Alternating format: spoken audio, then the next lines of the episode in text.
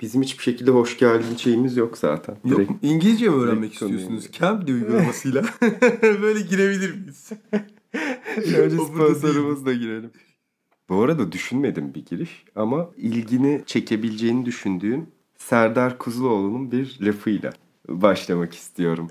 Masa etrafında sohbet, telefonu eline alan ilk kişiyle bozulan türden bir büyü demiş kendisi. Güzel Ee, demiş. Şimdi Serdar Kuzuloğlu biliyorsun ki bugün sosyal medya konuşacaksak ya bu konuda en bilgili kişi olabilir.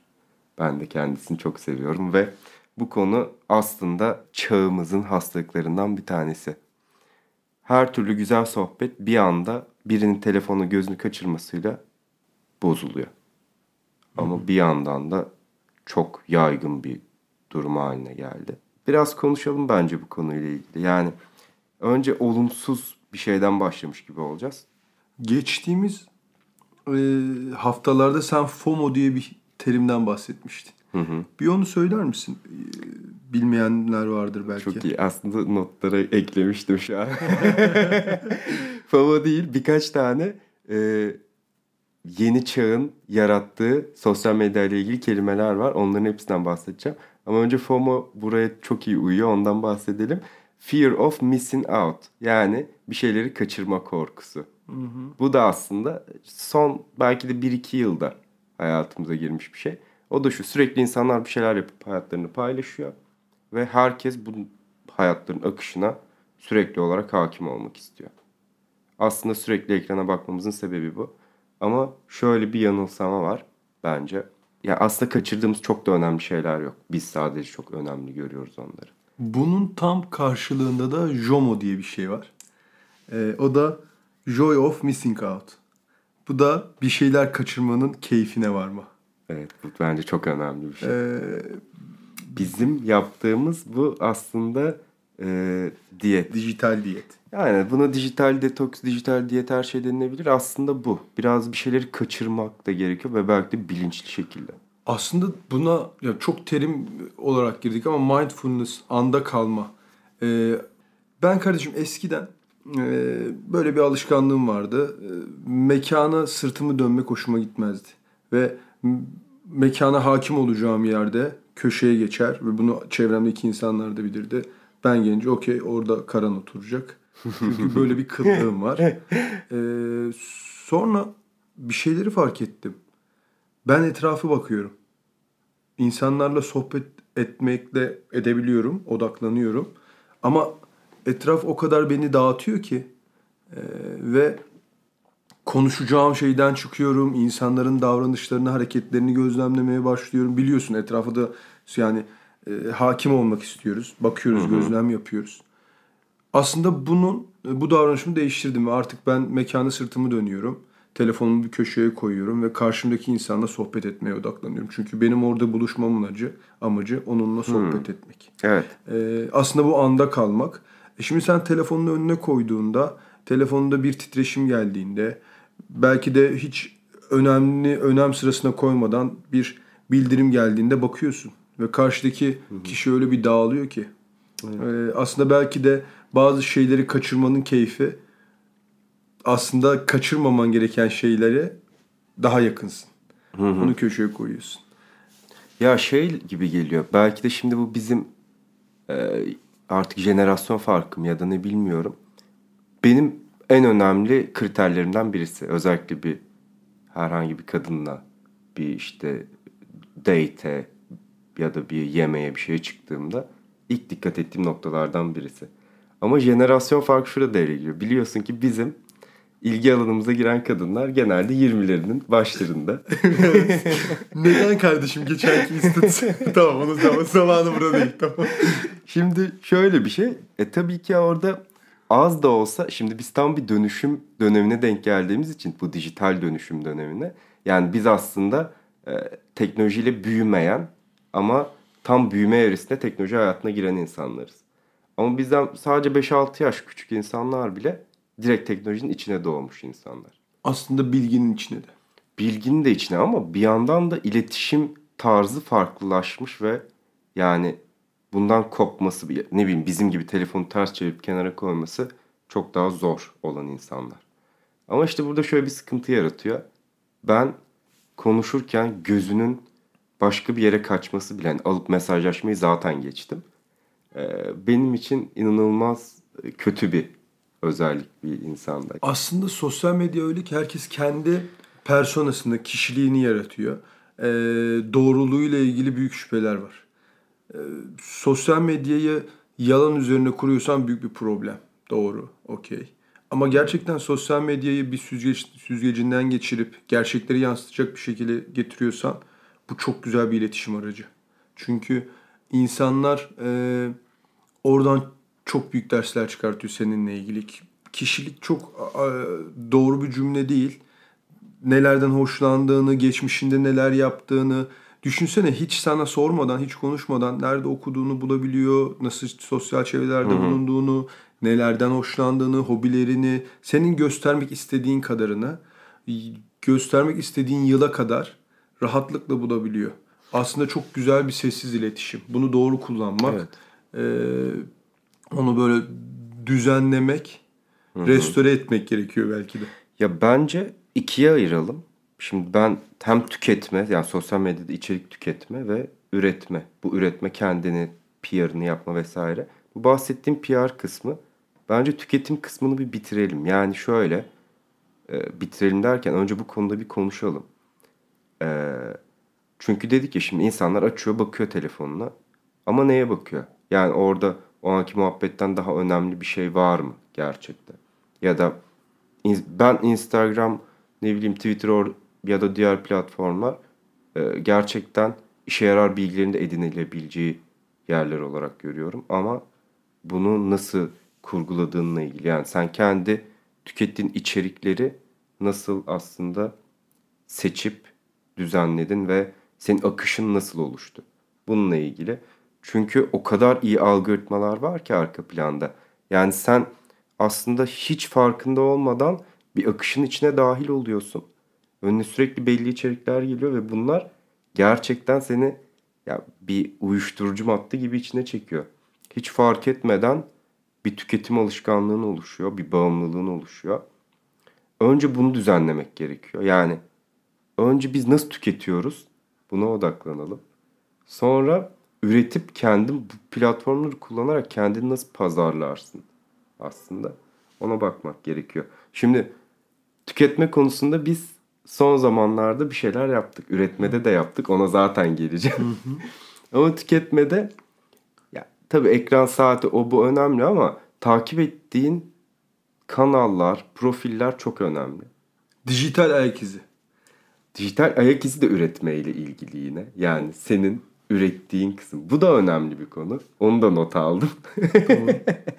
Ama tükettiğin kanalları açıp bazen takip ettiğin kanalları temizlemen gerekiyor. Çünkü sen yıllar içerisinde mesela değişiyorsun. Yani ilgi alanların ne bileyim. Mesela ben şimdi müzikle ilgili yeni bir şeyler yapmaya çalışıyorum ve yeni işte e, müzik alanında bu işi iyi yapan, öğreten kişileri takip etmeye başladım. Ondan önce başka bir şeyle ilgileniyordum. Onları yavaş yavaş takipten çıkıyorum gibi. Yani çok fazla bilgi var. Çok fazla çöp de var. Ama ne takip et? Mesela biz stil konusunda kendimizi geliştirmek istiyoruz. Seviyoruz bunu. Ve belli başlı influencerlar takip ediyoruz. Hı hı. Bence bu da kötü değil. Yani bakıyorsun o adamın işi bu. Ve ondan ne gibi şeyler öğrenip uygulayabilirsin hayatta. Aslında bunu öğreniyorsun. Ben şey demek istediğin doğru mu anladım? Aslında diyorsun ki ilk önce doğru içerik tüketmeyle başlayıp sonra ne evet. o ürünü ortaya koyabiliriz? Sonra kendini nasıl, kendi profillerini nasıl yönettiğin. Şimdi şu kesin. Yani biz bunu kullanmıyorum gibi bir şey deme lüksüne sahip değiliz. Bu bence çağın dışında kalmak ve kendini soyutlamak gibi bir şey. Çünkü artık annelerimiz, babalarımız, dedelerimiz bile bu platformlarda yani. Buralarda olmadan e, hayatta çok var olamıyorsun sosyal ortamda. Evet abi belki bunu kullanmayı öğrenebiliriz. Ee, insan her şeyi öğreniyor. Televizyon kullanmada dünle bugün arasında çok fark var. Yani ilk Hı-hı. zamanlarla. Ve televizyon kullanmayı öğrendik. Aslında sosyal medyayı da kullanmayı öğrenmek gerekiyor. Ee, genel klişeleşmiş ya işte Instagram, Facebook işte şu kadar zaman ayırdım, sosyalleşemiyorum, bağımlılık olduğundan öte aslında böyle bir teknoloji insanların hayatında güzelleştirmek, kolaylaştırmak için bunu nasıl doğru kullanabiliriz? Tüketme tarafında e, o kadar toksik, o kadar önümüze çıkan bildiğini zannedip e, ama varsayımlar üzerine konuşan belki biz de öyleyizdir. Ege Fitness mesela muhteşem bir sürü pik- psikologdan çok daha iyi Çok bilgilendiğine eminim. ama adam ne yapıyor? Veya bir tane abimiz var Amerika'da o iri yarı bilmiyorum adını ama çok güzel ayar veriyor. Yani bunlar çıkıyor ama insanı da çekiyor. Samimiyetten mi, kendinden biri mi olarak görüyorsun bilmiyorum. Ya- Ha mesela bu yanlış bir tüketim mi? Bence e, benim bazen hoşuna giden bir tüketim. Ha, Benim bil- de gidiyor. Bence biraz çağ okumakla ilgili. Kimse oturup böyle saatlerce bir psikoloğu dinlemek istemiyor. Yani onun yerine hap bilgi 10 saniyede bana ne verebilirsin? Bunu belki de esprili bir şekilde, ilgi çekici bir şekilde nasıl verebilirsin? Yani biz mesela kitap okumayı tartışıyoruz seninle. Ben kendi adıma şöyle bir teorim var. Artık kitap okumak çağa ayak uyduramayan bir bilgi öğrenme tarzı gibi geliyor. Çünkü biz artık çok daha dağınık, çok daha yani dikkatimiz tek bir şeye odaklı değil. Bu şekilde öğreniyoruz. Oradan oraya atlıyoruz. Fikir uçuşmaları yaşıyoruz. Ve e, sosyal medyada böyle. Neden Ege Fitness'ın 2-3 milyon takipçisi var ama belki de bu alan doktora yapmış bir psikiyatrist, psikoloğun e, o kadar takipçisi yok. Yani takipçi sayısı ya da iyi bir metrik mi o da önemli. E, ama bir bakıma da elimizdeki tek metrik o. Yani çok takipçisi olan bu mecrayı daha iyi kullanıyor diyebiliriz. Tabii ki şöyle e, aslında bence çok iyi bir metrik çünkü onun konuşmasını dinleyen bir kitle var ve ne olursa olsun dinliyor. Ya 2-3 milyon kişiye hitap etmek bence Çok çok azımsanacak Yani- bir şey değil. Şimdi senin sevmediğin konular ama 18 milyon oy kullanılıyor. Yani koca, koskocaman ülkeyi yönetiyorsun. Üzerinde baskı kuruyorsun sürekli sevmediğin konular diye. Politik. Ben Ankara'da büyüdüm abi biliyorsun. ya Ankara'ya gittim şimdi yine fikir uçuşusu ama bak iki buçuk üç yıldır buradayım çalışıyorum. Ee, bugüne kadar hiç kimseyle siyaset politika konuşmadım. Ankara'ya toplantıya gittim. Abi 4 saat, bir buçuk saat siyaset yaptık. Dedim ki gerçekten Neymiş biz ya? böyle. Çünkü oralarda 6. 7. sınıflarda politika konuşuyorsun. Şimdi onu köşeye koyuyorum. Fikir uçuştu. Şimdi Asıl konumuza geçelim. Tüketme ile ilgili de hemen e, iki tane terim var mesela. Telefonsuz kalma fobisi ve internetsiz kalma korkusu. Bu ikisi de yeni girmiş. Nomofobi ve netless fobi şeklinde. Bir daha söyler misin? Telefonsuz kalma fobisi ve internetsiz kalma korkusu. Hmm. Bu ikisi de son 10-15 yılda hayatımıza giren şeyler. Aslında FOMO ile aynı çatı altında bu kelimeler e, düşününce ve bunlar artık gerçekten psikolojik bir durum, belki tanı haline gelmiş durumda. Hepimizde var biraz. Kardeşim bu çok normal. Ee, bu hani podcast'i kayıt altına almadan ufak bir yazı okudum. Sana bir kısmını paylaştım. Ee, orada diyor ki e, inta- inta- insanların Türkiye'de yaşayan TÜİ'nin verisine göre günlük internet tüketimi 7 saat, sosyal medya tüketimi 2 saat 49 dakika. Düşünsene 8 saat uyuduğunu varsayarsan e, gününün üçte biri, geri kalan üçte biri de internet. Yani bun, uykusuz kalmak da belki şu anda eşdeğer, eşdeğer çok ütopik bir söylem olabilir. Yo uykusuz kalmayı bazen göze alıyoruz. Evet. Geri kalmamak için. Aynen öyle. Ee, ve bu bu korkunun olması çok doğal. Hatta belki olmaması e, absürt. Yani evet bunu bu çağda böyle. Buna dijital çağın yeni patolojileri diye bunları Yine, listelemiş. yine kelimeleri Evet. söyle. Yap şovunu. önemli. Patoloji ne? Biraz anlatsan. Abi işte patoloji dediğim gibi buna tam tanı da de, diyemedik, bir hastalık da diyemedik ama e, bir takım terimlerle aslında yaşadığımız bu durumu anlatmaya çalışıyoruz. Bu patolojik bir hale aldı. Yani aslında hastalık gibi bir noktaya gelmiş durumda. Belki de yakında tıp literatürlerine de girmeye başlayacak bu tarz şeyler. Ben dün bir arkadaşımızla sohbet ederken bir psikolog arkadaşımız hastalık yerine maraz deyimini, söylemini kullandı. Dedim ki bu biraz şov. Maraz. evet. Bu ben dedi, fark etmedim bunu. Dedi ki insanlar marazlar yaratıyor dedi. Maraz marazları var dedi. Öyle bir değişik şey. Maraz Aslında hastalık, hastalık mı demek? Ben kardeşim ne demek istediğini açıkçası baktım. Kelimelerin gücü. Google'a yazdım ve marazın hastalık demek olduğunu öğrendim. Orada hiç çaktırmamıştım ama beni biraz etkilemişti. hmm. ee, aslında patoloji gibi bir şey. Evet. evet. ee, aslında şuraya gelirsek evet in, sosyal medya bir hastalık olabilir. Ee, ama her şeyin çoğu zarardır bir söylemi vardır ya. E, aslında bunun da bir normali, bunun da bir optimumu olduğunu düşünüyorum. Doğru tükettiğin tüketirsen e, ve bunu doğru planlarsan bence çok güzel bir silah. Hı hı. E, düşünsene bütün her şey sadece bu kişisel bir şey değil ki insanlar oradan ekonomisini dönüştürüyor. Reklamlar yapılıyor, e, sen takip ediliyorsun ee, yani sana senin ihtiyacın olan bilgiler önüne geliyor ve bu sosyal medya aracılığıyla orada olmayı reddetmek çağın dışında hareket etmekle aynı şey hı hı. diye düşünüyorum ve bu kadar açık bir şekilde imkanın var. Dünyayı takip edip oturduğun yerden dünyanın öbür ucundaki insanı takip edebilirsin. Bu bağımlılık ölçüsünde değil.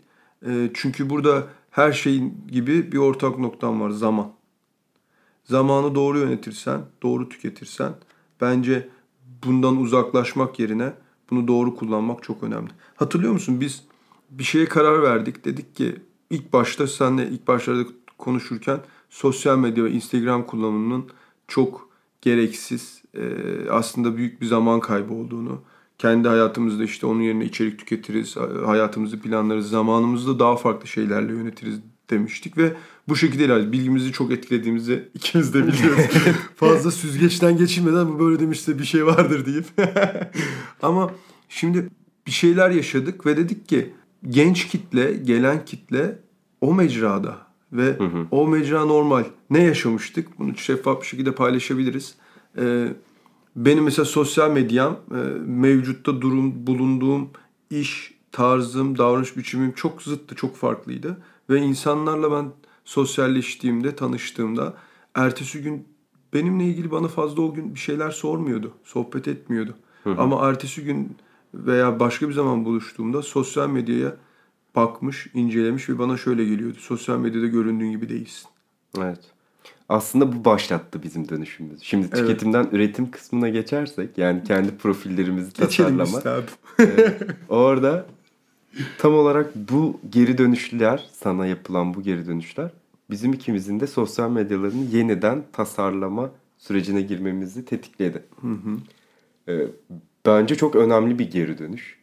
Yani yüzde yüz dönüyor. Yüz, yüz, 180 derece döndük abi ya. Öyle ama şu an geri dönüşerken insanların söyledikleri bu yorumlardan bahsediyorum. Yani hı. senin profiline bakıp sana şu şekilde geri bildirimde bulunuyorlar. Sen böyle bir insan değilsin. Orada gözüktüğün gibi değilsin. Ve biz bunu içsel sorgulamalar sonucunda şuna vardık. Aslında orada gözüktüğüm insan gibi olmalıyım. Ya da daha doğrusu olduğum insanı orada göstermeliyim. Evet. Ve İns- bir dönüşüme girdik. Tabii ki insan hep dönüşüyor, değişiyor ama şunu anladım ben orada. Ee, senin ne söylediğin ve nasıl davrandığından öte nasıl göründüğünün o kadar çok önemi var ki. Ee, Paket ambalajı her zaman önemli. Evet yani iletişim kurmaya çalışıyorsun. Ee, artık o kadar bilgiye kolay ulaştıkları için insan, insanlar özellikle 20 ila 25 yaş arasındaki e, ekip seninle diyaloğa gir, girerek zaman kaybetmek istemiyor. Belki de onun vakti çok kıymetli. Onun yerine sosyal medyanı tıklıyor. Geceliğin uyumadan önce senin geçmişteki birkaç fotoğrafına bakıyor. Yurt dışına gitmişsen nelerden nerelere gittiğini görüyor. Ve ertesi gün e, ortak bir konu bulduğunda atıyorum gitar mı çalıyorsun? Konu Hı. oraya geldiğinde seni tanımış olduğunu hissediyor ve paylaşıyor. Ama öbür türlü aslında tamamen dış görünüşünde değerlendiriyor. Senin bilgi birikiminden yoksun. Ee, senin entelektüel birikiminden habersiz bir şekilde bakıyor. Ve diyor ki evet bu böyle böyle. Öngörü. İnsanlar yüz yüze tanışınca bile bir çaktırmadan sosyal medya hesabına bakmaya başladı. Bunu fark ettim. Yani sen mesela biriyle tanışıyorsun o gün ilk kez. Ee, sonra iletişim kurmak için Instagram falan alıyorsunuz birbirinizden. Hemen çaktırmadan bakıp bir hayat tarzı hakkında bir fikir sahibi olup ona göre davranışlar o kadar değişebiliyor ki. Yani bakıyorsan geziyorsun, kültür kültürel aktivitelerde bulunuyorsun. İşte ne bileyim dolu dolu yaşıyorsun hayatını, sosyal bir çevren var, arkadaşların var. Bunları görünce sen davranışları bir anda değişiyor insanların.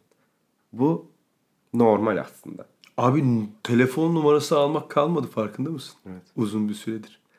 Artık Instagram hesabını alıyorsun. Gerçi daha dün dün gördüm. ya, telefonumuz kalmamış ama ilginç bir şey oldu. zaman sonra telefon numarası. Ama kardeşim şöyle e, ne diyeceğimi unuttum. o kadar çok 2000 kelimeyle düşündüm yine. E, mesele şu. e, Gerçekten ne diyeceğimi hatırlamıyorum şu anda. Evet, bakıyorlar. Senin hesabına bakıyorlar ve Hatırladım. Öz, bunu söylemem gerek unutmayayım. E, biz de bunu yapıyoruz. Aslında biz bir, bir yerde çıkış noktamız da buydu. E, biz farkında değilken Instagram'ımızı e, istediğimiz gibi o kimliğimizi e, işte o personamızı o kendi profilimizi yaratmadan önce var olan işte sende ne vardı e, sen, senin gözünden olan paylaşımların profilinin çoğunu e, Tamamını. kaplıyordu. Tamamını kaplıyordu. Bende ne vardı? Biraz daha iri, saçlı sakallı, biraz daha farklı tar Evet. tarzda, bozkırın bağrından kopmuş. Biraz daha öyle bir profil vardı. Ama e, onlar bizim evet görünüşümüz öyle, davranışımız da öyle okey. Değişiyoruz, dönüşüyoruz. E, biz bunu nasıl fark ettik? Biz de aynısını yapıyorduk hatırlıyorsan. Biz de temas kurduktan sonra akşamleyin çadırımıza giderken evet, evet kesinlikle. Böyle sürekli çadırda yaşıyormuşuz gibi oldu. o, o ıslak uykumuzu, terli uykumuzu anlat. Aslında o dönüşüm başlangıcında önemli bir nokta. Onu da bir ara anlatalım. Bir ara mutlaka. terli uyku podcast'i çekeriz. Aynen. Herkesin terli uykuya ihtiyacı vardır. Dönüşümler arada. öyle kolay başlamıyor. Gerçekten bu dönüşümlerin bir hikayesi var Evet, aslında gerçekten. altında. Yani biz de aslında profilimizi insanların profilini değerlendirdiğimizi fark ettiğimizde yanlış Hmm. düşündüğümüzü ve dedik ki evet biz tüketici miyiz? Tüketici olmak istemiyoruz. Üretici miyiz? E onu da olmak istemiyoruz. O zaman sosyal medyada niye varız? Ki biz bir dönem e, ben en azından e, kapattığım dönemler de oldu. Dondurmadığım, kapattığım. Sonra bir şekilde tekrar geri döndüğüm. işte kendimi o kontrolle zaman dilimini ayarladığım. e, 20 dakika ekran süresi, 10 dakika ekran süresi, yarım saati geçince kitle vesaire vesaire. E, sonra biz bir karar verdik. Dedik ki artık üretelim. Evet. Bu çok önemli. Podcast de dahil Ee, buna. Instagram hesaplarımız da dahil. Şöyle ki e, Instagram'da aslında şu da var. İnsanlar cidden yanlış algılar da yaratıyor. Yani ben birçok Instagram'ını görüp etkilendiğim, sonra tanıştığım kişi, tanıştığımda çok boş olduğunu fark ettiğim insan da oldu. Ama e, şu var ki aslında o yansıttığı kişilik sayesinde bir şekilde mesela tanıştık biz o kişiyle. Çünkü ben ondan etkilendim falan filan. Yani kendi yansıtmasa bile iyi bir PR çalışması yapmış orada. Şimdi bizim buradaki mesela e, dönüşümümüzde kendimize koyduğumuz bir kural var. Aslında söylenmeyen bir kural. O da olmadığımız kişiler değil, olduğumuz kişileri tüm hobilerimizi, yaşam tarzımızı yansıtmalıyız. Şimdi benim Instagram hesabım mesela tamamen manzara fotoğraflarından oluşuyordu. Bunun sebebi de biraz şey. Instagram zaten eskiden aslında ilk başlarda biraz daha fotoğrafçılık uygulaması gibi ilk çıktığı zamanlar öyle kullanılıyordu. Yani e, insanlar şimdiki gibi kendilerini aslında çekip çok fazla koymuyordu. O alışkanlıkla ben yıllarca kullandım. Ama şu anda şunu fark ettim son 1-2 senede kimse gelip de e, senin manzara fotoğraflarına bakmak için senin profiline girmiyor. Onlar senin hakkında bilgi almak istiyorlar. Ve biz şu da çok zor. Yıllarca o şekilde bir profil kurguladıktan sonra bu dönüşümü gerçekleştirmek çok zor. Çünkü ne oldu da bir anda e, sen farklı tarzda bir fotoğraf paylaşıyorsun gibi bir noktaya geliyor. E, bununla ilgili yine birkaç araştırma var. O da en önemlilerinden bir tanesi şu. E, insanların sosyal medyada içerik üretmesiyle ne kadar narsist olduklarını arasında bir bağlantı var mı? Bunu çözmeye çalışıyorlar. Ve e, herkes aslında narsizmi şey olarak biliyor. Kendini üstün görme, büyük görme. Bu yüzden ne beklersin? Bu insanlar sürekli kendileriyle ilgili bir şeyler paylaşmasını beklersin. Ama aslında ilginç bir şeye rastlıyorlar. İnsanlar, narsist insanların çoğu aynı zamanda kırılgan ve beğenilmeme korkuları da içlerinde her zaman olan kişiler. Bu korkudan dolayı az içerik paylaştıkları gözüküyor. Hmm. Yani bu mesela çok içerik paylaşanlar da var. Kibirli olarak tabir edilenler hmm. öyle ama kendini fazla beğenip diğerlerinden üstün görenler bir içerik paylaşıyor ve aslında o kadar da beğenilmediğini gördüğü için bu onlarda o algılarını kırıyor ve onları yani mutsuz ediyor bir şekilde ve küsüyorlar sosyal medyaya ve bir şey paylaşmıyorlar. Sebebi de o gerçekle yüzleşmeye hazır değiller. Beğenilmemek onlar için çok büyük bir korku. Ben burada e, kendi yaşadığımız deneyimi paylaşmak istiyorum. Bizim deneyimimiz neydi? Bizim bir kuralımız daha vardı. Hatta bir iki kuralımız daha vardı. Belki de o sosyal medyasını kendi istediği gibi planlamak isteyen, evet ben burada olayım diyen insanlara büyük bir tehlike bekliyor. Biz bunu planladık. İkimizin de kafa yapısının öyle olduğu için e, birkaç bir hamle öteyi planladık. Neydi abi? Dedik ki üretirken bir vakit ayırmamız gerekiyor. Bir Hı-hı. zaman planı yapmamız gerekiyor ve üst sınır koymuştuk. Bir buçuk iki saat. Günde öyle bir tüketim yapmıştık ki e, hem profil iyi dediğimiz profillere bakarken e, nasıl profil tasarlayacağımızı düşünürken e, buna gerçekten vakit ayırdık. Hı-hı. Bir ay, bir buçuk ay ve hiç paylaşmıyorken ardı ardına e, bir günde bazı zaman 6-7 tane paylaştığımız artık yeter abi abarttık ne yapıyoruz dediğimiz dönemler orada ama bu bir hazırlıktı.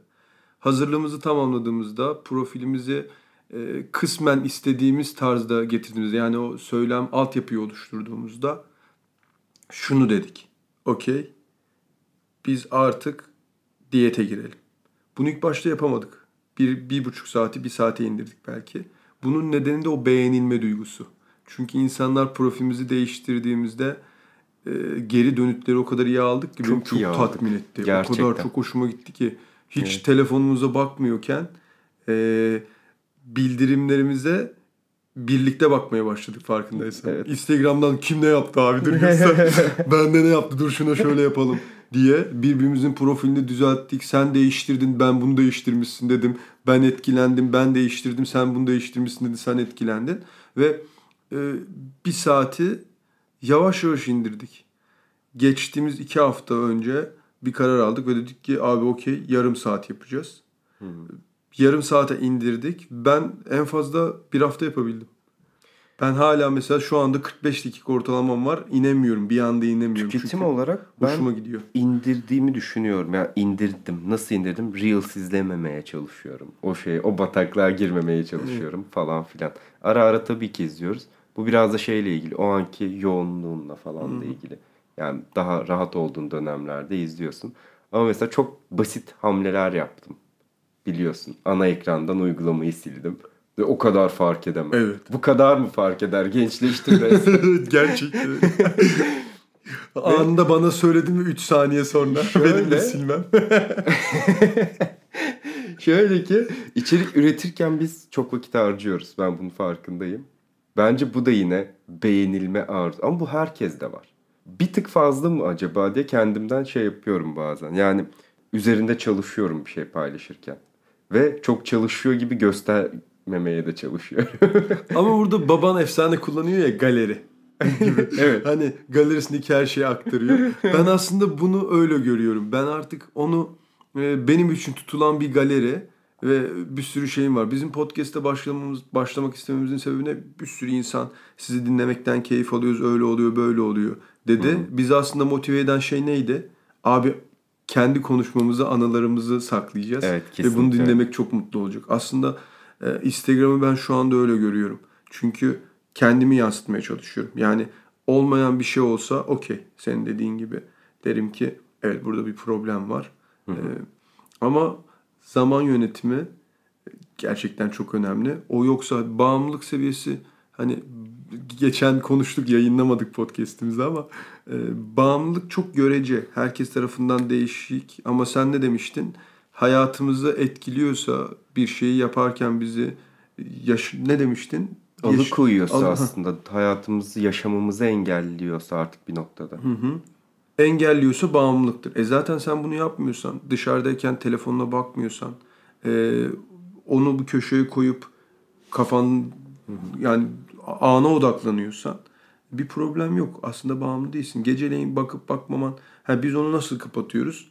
Sabah uyanınca bir saat telefon diyeti yapıyoruz. E, gece uyumadan önce sen bana ulaşamıyorsan biliyorsun ki telefonu Evet. kö- köşeye atmış. Hayal ediyorum seni. Evet.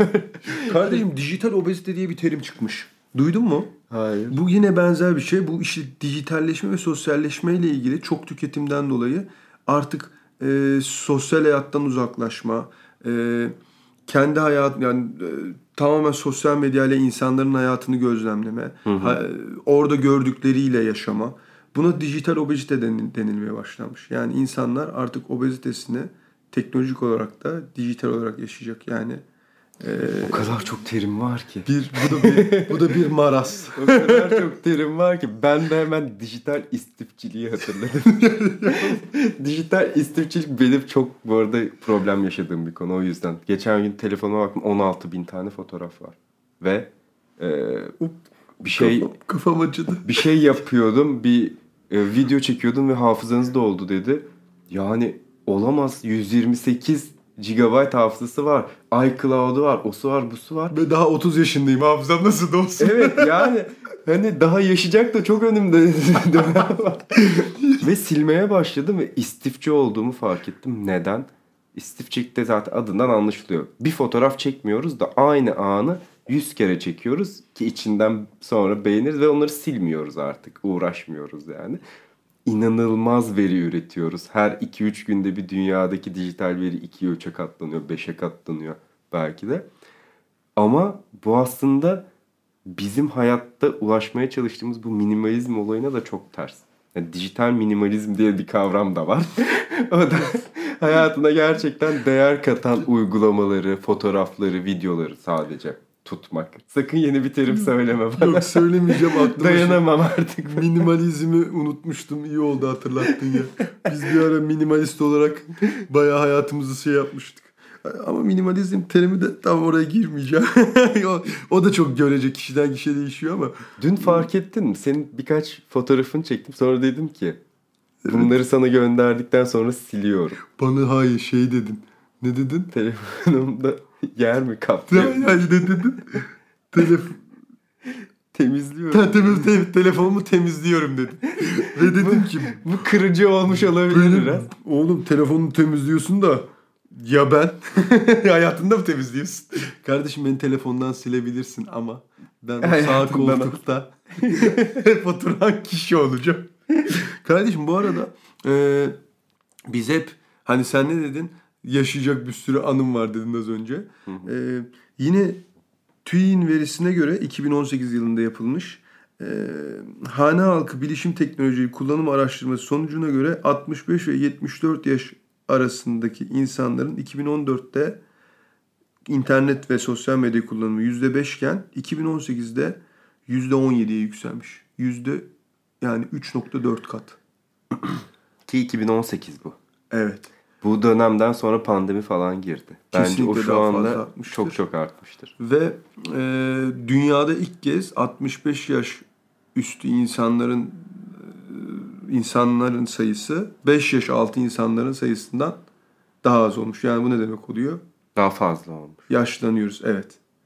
E, ve bunları araştırma yapıldığında şöyle bir dönüt olmuş. Sosyal medya kullanmasının sebeplerini 5 başlıkta incelemişler. Sosyal etkileşim ve motivasyon, bilgi edinme motivasyonu, eğlence motivasyonu, sosyal etki motivasyonu, Sosyal gözetleme motivasyonu. İşte kimisi demiş ki e, kuzenim kullanıyor. Ben işte teyzemin kızı kullanıyor. Ben niye kullanmayayım? Torunlarımın fotoğrafını görüyorum. Oradaymış gibi hissediyorum. Çocuklarım yurt dışında. e, onlarla iletişime geçmek beni onları da gibi hissediyor. Aslında bu biraz e, atıllaşmasını, e, uzaklaşmasını ve yalnızlık hissini minimalize etmesini sağlıyor. Aslında evet sosyal medya bir e, bağımlılık ama çağımızın çok önemli bir iletişim aracı. Bu telefonu reddetmek şöyle- gibi bir şey belki de. Yani yaşlılar kullanıyor, adapte oldu. Mecbur kaldılar çünkü. Yani bir e, görmesi gerekiyor akrabaları ne yapıyor. Güzel bir orada aslında muhabbet konusu var, dedikodu ko- kaynağı var. Bir de dediğin gibi atıl kalmasını önlüyor. Çünkü şu anda şimdi eskiden dedeler, anneanneler otururmuş. Torunları da dizlerinin dibine oturmuş ve hikayeler anlatırmış. Şu anda hiçbir çocuk, hiçbir genç böyle bir şey dinlemez, yapmaz, sıkılır. Şimdi yaşlıların da sosyalleşme ihtiyaçları var. Ama kendilerini dinleyecek birini bulamıyorlar şu anda. Çünkü gençler o sırada Instagram'da takılıyor. Onların bir şekilde konuşması, bir şey paylaşması gerek. Ne yapıyorlar? Facebook'a giriyorlar. Gördükleri sahte haberleri paylaşıyorlar ama araştırmalar şunu da gösteriyor. İnsanlar sosyal medyada bir şey paylaşınca kendilerini o konuda daha bilgili hissediyorlarmış. Kardeşim bir tane uygulama vardı. Yapacağım bunu. Hangisi? Cambly ile onun onun da çalışma prensibi buna benzerdi değil mi? Bir Cambly reklamımız yok mu ya? Cambly var. İstersen sponsor- neden olmasın? Bize bir sponsor olabilir misiniz? Henüz daha ikinci bölümümüzde de yayınlamadık. Bu yayınlamadığımız ikinci bölüm. evet. Ama ikinci yayın- yayınlamayı düşünmüyorum ben. Daha Samet'e söylememiştim ama. Kardeşim bu arada ismimizi söylemek bence çok etkileyici. Fikir uçuşması mı? Hayır. Hayır. Karan ve Samet. evet evet. Biraz bilinirliğimiz artar. bu, bu konuda hala şüphelerim var. Bilinmek istiyor muyum? Evet. İstemiyor muyum? Burada büyük bir problemler var ama bence ilkinden çok daha iyi pozisyondayız. İlk ne konuşmuştuk ya. Benim giriş cümlem efsaneydi. Neyse ki kimse bilmiyor Evet, bunu. evet. Neyse ki biz 5 kere dinledik dışında. Ya ben On hem kere. konuştuk. Evet. Şimdi bu konular önce konuştuğumuz konular. Podcast'te bir daha konuşuyoruz. Sonra bir de dinliyoruz beş kere falan. Her dinlediğimde de diyorum ki yaşadığımız yetmiyor bir de bizden dinliyoruz ya. Neymiş diyorum. Şimdi ben e, sana sormak istiyorum. Mesela yeni terimlerden birisi sexting bildiğin gibi. Ben çok bilmiyorum kardeşim. Öyleymiş işte. Ben de duyuyorum. Evet. Mesela tamam biz birçok şey adapte olduk. Hayatında sexting var mı? Yani yapıyor musun bunu hiç? Yaptın mı? Yaptım kardeşim. Ya da nude atmak. Bu da sexting'in bir şeyi sonuçta. Bir tane kız vardı ya her boş vaktinde yapıyorsun. Yapma diyordu ya bir tane ablamız. Evet, Evet. o neydi o? Psikolog. Psikolog bir tane abla. Kardeşim Psikologlar bana genelde kendimi kötü hissettiriyor. Niyeyse, niyeyse mesela nude atma okey. Bir de nude isteme vardı. Ben galiba bunu istemeyeli 5 yıl oldu. Eskiden bunu talep eden bir erkek profilim varken Ben hayatımda hiç nude istemedim. ben istemiştim, istiyordum. Ve Nasıl, ne diyordun mesela?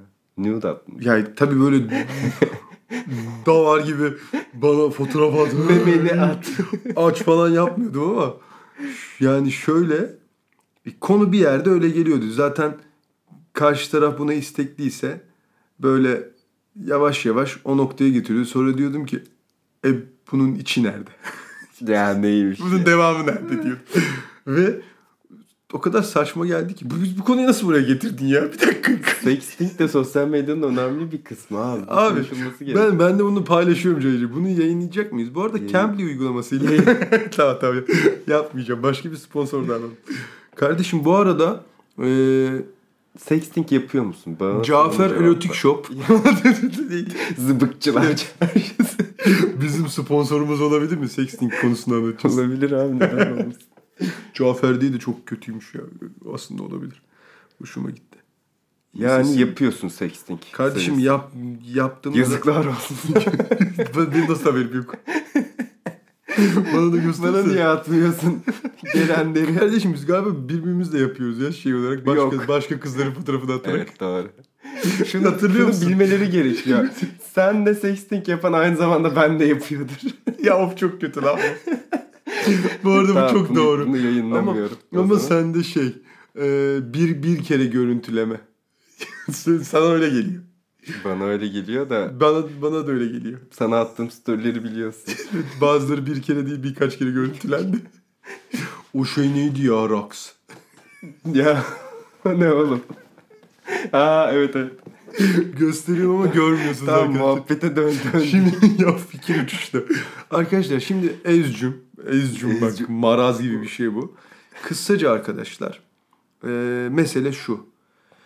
Bizce veya bence aslında bizce e, ben ve biz e, sosyal medyada çok soft bir şekilde e, bulunmak ve bunu bağımlılığa getirmeden kontrollü bir şekilde yönetmek çok büyük bir iletişim Ben sahası. birkaç noktaya takıldım burada. Mesela bir, tamam bunu biz bir eski bir e, fotoğraf albümü gibi kullanıyoruz şu anda. Hı hı. Ama insanlar orada aslında hep e, mutlu olduğu anları, biz de dahil, eğlenceli olduğu anları paylaşıyor. Bu şey demek değil. Yani yaşamadığın bir hayat değil evet ama yaşadığın hayatın filtrelenip sadece güzel ve hatırlamak istediğin kısımların oraya konulduğu bir albüm bu. Ha diyeceksin eski fotoğraf albümleri de böyle değil miydi zaten? Evet kimse mutsuz olduğu bir fotoğrafı o albümde tutmuyordu. Bir takıldığım noktada e, tamam güzel insanlar buradan bizi tanıyor ama acaba biraz muhabbet etme şeyimizi azaltıyor mu? Ortak noktalar bulma konusunda çok işe yarıyor. Mesela bir kız senin profiline bakıyor ve ortak noktalar buluyor. Ama stalklayarak aslında birçok sana sorup öğrenip o muhabbetin doğal akışında böyle o heyecan yaratacak konularında birçoğuna vakıf ve hakim olmuş şekilde o sohbete geliyor. Yani ben biriyle buluşmadan önce açıkçası bir Twitter'ına, bir Instagram'ına herkes bakıyordur yani diye düşünüyorum. Abi çok mantıklı. Ama çalışıp gidiyorsun. Çok Bu mantıklı. iyi mi kötü mü? Bence çok iyi ve e, iletişime geçmek için seni kasıntılıktan uzaklaştırıyor. O ilk konuya gelirsem toksik pozitiflik diye bir şey var. Ya, yalandan toksik bir şekilde mış gibi yapmak evet bir problem ama dediğin gibi e, duygusal varlıklarız. Güldüğümüz kadar ağlamak da normal. Ağladığımız kadar e, gülmek de normal. E, üzülmek, mutlu olmak her şey çok normal. Ve ama ben neden ağlar, ağlarken bir fotoğraf çekeyim ki? Çocukken vardı zaten. Çocukken çıplak da fotoğrafımız vardı. Doğru. Yani e, okey o tamam bir yere kadar. Ama bu oradaki güler yüzün, oradaki eğlendiğin sahneyi paylaşmak hayatın hiçbir dönemi ağlamadığın anlamına gelmiyor ki. Hayatın hiçbir dönemi üzülmediğin anlamına gelmiyor ki. Hani sen ruh hastası gibi işte bir büyüğün ölün vefat edince onun fotoğrafını çekip ha işte veya Yapıyorlar. gidip serumu takıp kolunu Evet, çekiyorsan şimdi tamam bunlar zaten sağlıklı bir davranış biçimi değil. Bizimki biraz daha e, soft bir şekilde hobilerini paylaşabileceğin, kendinle ilgili istediğin ölçüde doğruluk çerçevesinde, dürüstlük ve doğruluk çerçevesinde paylaşım yapmak bence e, insanlara iletişime geçmeden önce ön bir önden iletişime geçme fırsatı sağlıyor. Diğerleri zaten tamamen sağlıksız yapılar. Çok doğru ve mantıklı olan şeyler değil e, diye düşünüyorum. Bu çocukluk albümlerindeki çıplak fotoğraflar konusunda biraz şey yapmak istiyorum. Bu benim yani hiç sevmediğim bir olay ve o zamanlar çok normalmiş ama şu an aslında biliyorsun her şeyin böyle e, şey yapıldığı, dikkate alındığı ve hani bu etik mi değil mi şu an çok büyük her şey kaygı, böyle kaygılar var ya. Şu an mesela bu yapılsa işte bu bir istismar mı ya da bu bir çocuğun kişilik haklarına bir saldırı ya da ihlal mi gibi birçok soruyu bir beraberine getirebiliyor. Ee, bununla ilgili Sharon Think diye bir terim var. Oğlum milletin beynini yak. Ama bir şey söyleyeyim. bir saniye bu, bu çok alakalı. Tamam, söyle, Farkında söyle. olmadan çok iyi bir pas attım. Söyle. Şimdi parenting biliyorsun ebeveynlik. Evet. Şehirde paylaşmaktan geliyor. Birleştirmişler bu terimi ku- kullanmışlar. Bizim aslında çocukken fotoğraf albümlerinde çıplak şeylerimiz olması ve bunu her gelen misafire ya da senin işte kız arkadaşın ailenle tanışmaya gelir. Fotoğraf albümü açılır. Ben bunu yaşadım mesela ve bir anda onları gösterip gülerler hep birlikte falan ve sen kendini kötü hissedersin. Bu sharing think de şu. Şu anda ebeveynler biliyorsun ki deli gibi çocuklarının şeylerini paylaşıyor. Mesela ben çocuğu olan arkadaşlarım takipten çıkıyorum. Instagram. ya da sessize alıyorum. Çünkü bebek görmekte biliyorum ki önümüzdeki 5 sene boyunca her gün bebeğin e, ilk adımlarından ilk kakasını yaptığı ana her şeye tanık olacağım. Bebeğin ve, amcası olacaksın yani ve bir anda. benim ilgimi çekmiyor.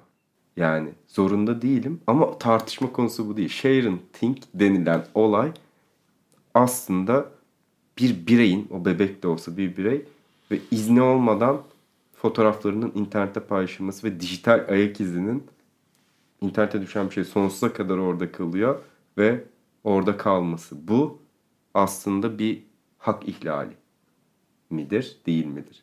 Yani ebeveyn kendinde bunu paylaşma hakkını görüyor ama belki de çocuk bunu istemiyor. Abi çok mantıklı ama şu an için e, kabul görülmü sanmıyorum. Bir de şöyle düşün. Belki bu çocuk büyüyünce Amerika'nın başkanı olacak ve her şey olabilir işte. Yani bir şey belki de Türkiye'nin cumhur, cumhurbaşkanı şey olacak yani. Olmak zorunda da değil. Sadece istemiyor olabilir çocukluk evet. fotoğraflarının yani bu albümde o yer kadar almasını. Kolay paylaşılmak ve sosyal medyada yayılmak o kadar kolay ki. Ee, tehlikeli aslında. Çok Şimdi tehlikeli. şöyle bir durum var. Biraz şeye boğduk kelime şeyine.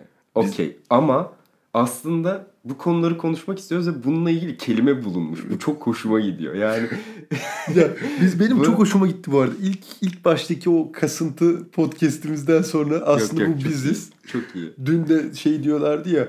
Oha kelimelerinizi bize de paylaşın diye. Ya mesela bak bu kadar uzun bir konsepti ben bundan sonra sen sadece share think yapıyor dediğim an tek kelimede anlıyorsun. Kelimenin gücü işte abi. Gerçekten. Acayip önemli bir şey. Biz ee, kelimelerin gücüne nereden geldik? Arkadaşlar, başka, şunu, başka kelimem varsa onu da söyleyeyim. ben şunu söylemek istiyorum. Bu kelimelerin gücü e, kafasına nereden girdik? E, Ludwig Wittgenstein'ın bir sözü var. O diyor ki dilimin sınırları dünyamın sınırlarıdır. E, aslında 150-200 kelimeyle konuşan insanla e, 2000 kelimeyle konuşan insan birbirini anlamayacaktır. Doğru. E, bu tabii çok e, kibirli bir cümle olarak değerlendirmeyin lütfen. E, sizi kelimelere boğduysak affola. bu arada çok da şey beta bir özür diledim ya arkadaşlar gidin öğrenin. Cehaletinizle. ben mesela bunları yarısını falan biliyordum bugün söyledim. Herhalde 10 tane falan gelirse. Yarısını az önce podcast'te çalışırken denk geldim. Sosyal medyada yazdım ve ben gördüm ama mesela şey oluyorum böyle. Oha böyle bir şey tanımlamışlar. Bu kelimelerin hepsi uydurma. Evet, aslında. Yani son zamanda işte iki kelimeyi birleştirmiş adam yeni Aynen, bir kelime tabii. üretmiş. Ama yetkili bir abi ki yeni kelime üretebiliyor. Şimdi ben de Samet bir kelime üretebilir miyiz? Yok. Belki üretebiliriz. Belki de üretmişizdir. Neymiş ya?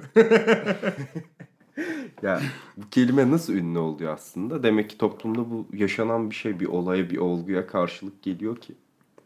O yüzden bence sıkılmamıştır diye düşünüyorum dinleyicilerimiz, podcast'imizi paylaşmadığımız dinleyiciler. Kardeşim bunu da biz şizofren miyiz acaba? Delirdik İnsanlarla konuşuyoruz ve paylaşmıyoruz podcast. Ya ben su içtim acaba suyumun boğazımdan geçerkenki sesi yansımış mıdır diye düşünüyorum. Pop filtremiz var şu an. İlk kan. Bence artık kapatabiliriz. Kaç Bu dakika biz... oldu acaba bilmiyorum. Bir iki ben... kelimem daha. Çık hayatımdan neymiş ya. Kardeşim bu arada bu şeyi podcast'i senin kapatmıyorsun. Ya geçen şiir okumuştum. Güzel bir şey okuyabilir miyim? Bulabilir miyim acaba? Şu an çok hızlı bulursam ben de o sırada bir kelime daha anlatayım. tamam dur bir şey bulayım ben de. Geçenlerde Özdemir Asaf'tan Zıbıkçılar Çarşısı'nı. Ya buna çalışsaydık iyiydi ya. Bu konuyla ilgili Mesela şey bu podcast'te buraları falan da kesmeyeceğim. Daha doğal olsun. Altına şarkı koyabilir misin? Tabii her zaman. Geçen seferki şarkımı beğenmedin mi? Çok uygundu bence. Cariyeleri hayal ettim. Ben o şarkı çalarken attım. Ben hazırım kardeşim. Oyun parkındaki çocuklar tırmanma yarışmasına yapmaya karar vermişlerdir. Yarışmanın sonunda birinci olan çocuk ile ilgili şu bilgiler verilmiştir. Şapkası veya gözlüğü yoktur. Şapkalarında toka yoktur. Adı alfabetik sıraya göre candan sonra gelmektedir. Yukarıdaki bilgilere göre yarışmayı kim kazanmıştır? A. Tunç B. Ali C. İsa Arkadaşlar yorumlarınızı aşağıya bekliyoruz. Bu arada tanıtacak mıyız kendimizi? Yine mi tanıtalım? hadi. Çünkü diğerini yayınlamayacağız. Bunu yayınlayacak mıyız? Bence yayınlayan çok havalı oldu. evet. Öncelikle podcast'imizin e, adı Fikir Uçuşması. Fikir Uçuşması bir e, hastalık, patolojik bir durum. Bir maras. bir maraz ya da e, bir durum aslında. Durum bozukluğu. O da şöyle bir şey. Biz bunu çok sık yaşıyoruz ve e, sürekli konudan konuya atlama, sürekli e, kafanın çok düzensiz çalışmasıyla ilgili bir e, durum. E, benim adım Samet. Hipomani miydi diğer adı? Hipomani bununla bağlantılı bir şey. Düzensiz çalıştığımızı düşünmüyorum kafamızın. Ama dağınık çalıştığına eminim. Çok dağınık çalışıyor. Bu arada benim adım Karan. Ya çok seksi söyledim. Yine mi? çok seksi. Ben Ankara dizi sektörüne. tamam, tamam burada değil. Okey çok memnun olduk arkadaşlar. Böyle Görüşmek video? Görüşürüz. Campbell'i